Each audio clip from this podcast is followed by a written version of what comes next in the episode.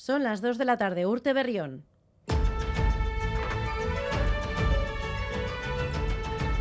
Crónica de Euskadi con Irache Martínez.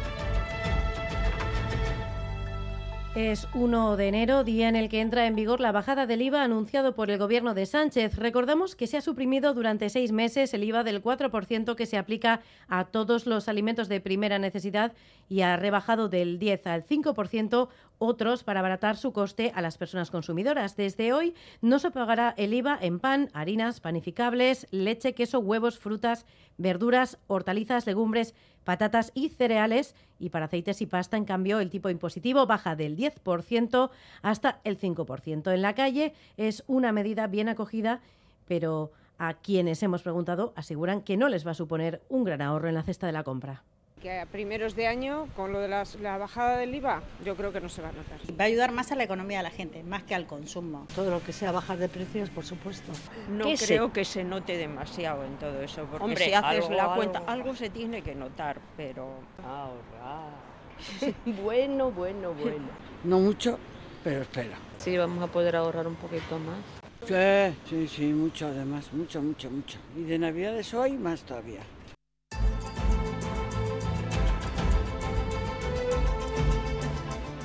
La comunidad cristiana despedía con tristeza el año por la muerte del Papa emérito Benedicto XVI, cuya capilla ardiente se instalará mañana en la Basílica de San Pedro en el Vaticano. Mientras tanto, hoy en el Ángelus, el Papa Francisco, encargado de oficiar su funeral, le dedicaba unas palabras y pedía a las y los fieles una oración por su alma.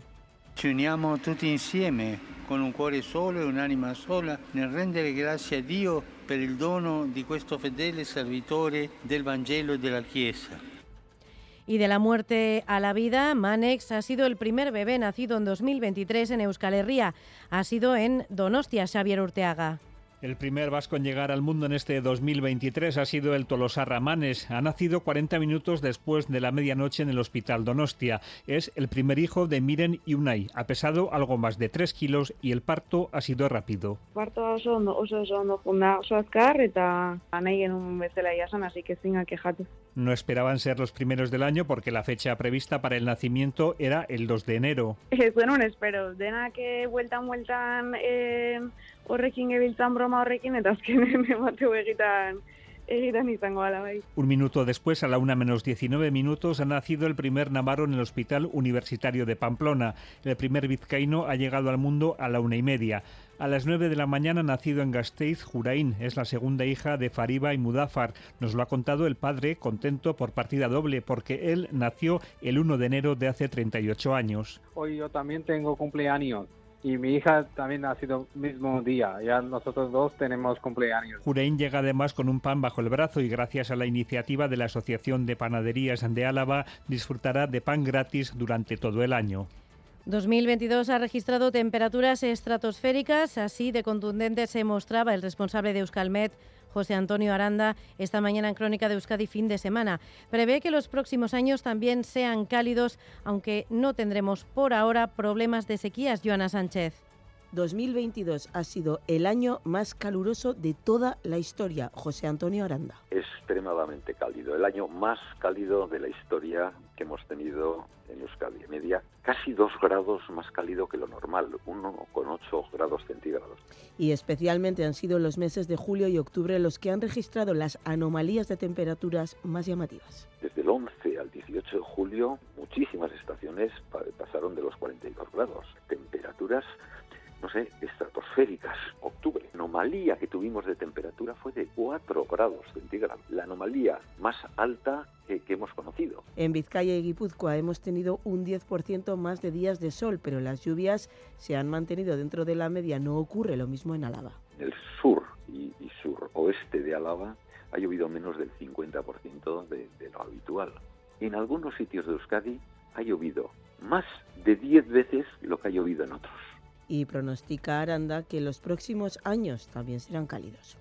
Lo más probable es que los próximos años sigan siendo cálidos, eh, la mayor parte de ellos, Igual alguno tenemos algún año frío, por lo que eh, siempre que en algún sitio hace mucho calor es porque en otro sitio hace mucho frío. Eh, es ley de la naturaleza. Pero las precipitaciones de noviembre y diciembre han humedecido el suelo, por lo que prevé que las próximas lluvias permitan llenar los cauces de ríos y pantanos. Ahora mismo tenemos 23 grados en Donostia y Bayona, 22 en Bilbao y 17 grados en Vitoria-Gasteiz e Iruña.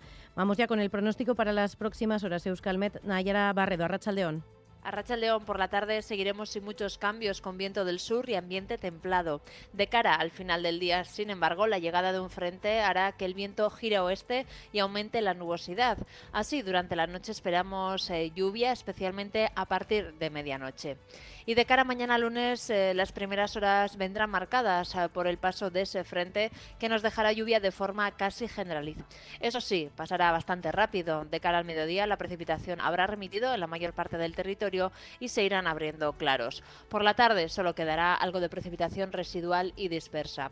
El viento pasará a soplar del oeste mañana y las temperaturas máximas descenderán de forma notable. Se quedarán por debajo de los 15 grados. Por lo tanto, mañana comenzaremos el día con lluvia que no tardará mucho en remitir y refrescará. Y aunque han quedado inactivos la mayoría de avisos por viento, por la noche ha soplado con fuerza que junto a las altas temperaturas y el uso de pirotecnia ha generado una noche de incesantes salidas de bomberos por incendios, sobre todo en Vizcaya, Joana. Los más importantes se han registrado en Ondarroa, en la zona de Ganguren en Echevarri, Sopelana, en la bajada de acceso a la playa de Achaviribil y en Portugalete. Este último ha generado especial preocupación por su cercanía al núcleo urbano. Todos han sido extinguidos en pocas horas y no hay que lamentar daños personales ni materiales. Los bomberos han tenido que sofocar también pequeños incendios de matorrales y maleza en Arrigorriaga, Trapagarán, Sopuerta, Munguía, Baracaldo, Ortuella, Ciervana o Balmaseda pero también han ardido contenedores esta noche en Guecho, Galdacao, Sestao y Portugalete. Además, se han incendiado el tejado de una vivienda en la zona de Zabala de Guecho y un coche en Basauri. Los bomberos de Navarra han extinguido por su parte un incendio declarado en una nave de productos agrícolas en la localidad de Averín. Hasta las 6 de la tarde se mantiene activo el aviso amarillo por viento en zonas expuestas. Les contamos además que cuatro mujeres de 20 años han sido trasladadas esta mañana al Hospital Universitario de Navarra con quemaduras de seguridad segundo grado en manos y piernas al arder sus disfraces en una discoteca situada en la avenida de Bayona de Pamplona.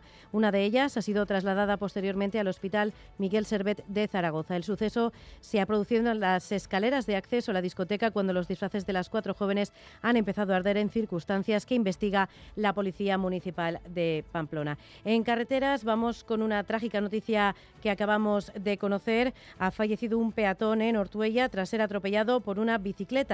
Esta mañana ha fallecido un hombre de 89 años en la localidad vizcaína tras sufrir un fuerte impacto al ser atropellado por una bici en una zona de la vía verde. A esta hora tenemos problemas en carreteras. La Nacional 1 en Idiazábal tiene cortada un carril en sentido Gasteiz por un camión incendiado esta mañana que ya ha sido retirado. En el control técnico Arancha Prado y Asier Aparicio son las 2 y 8 minutos de la tarde. Seguimos.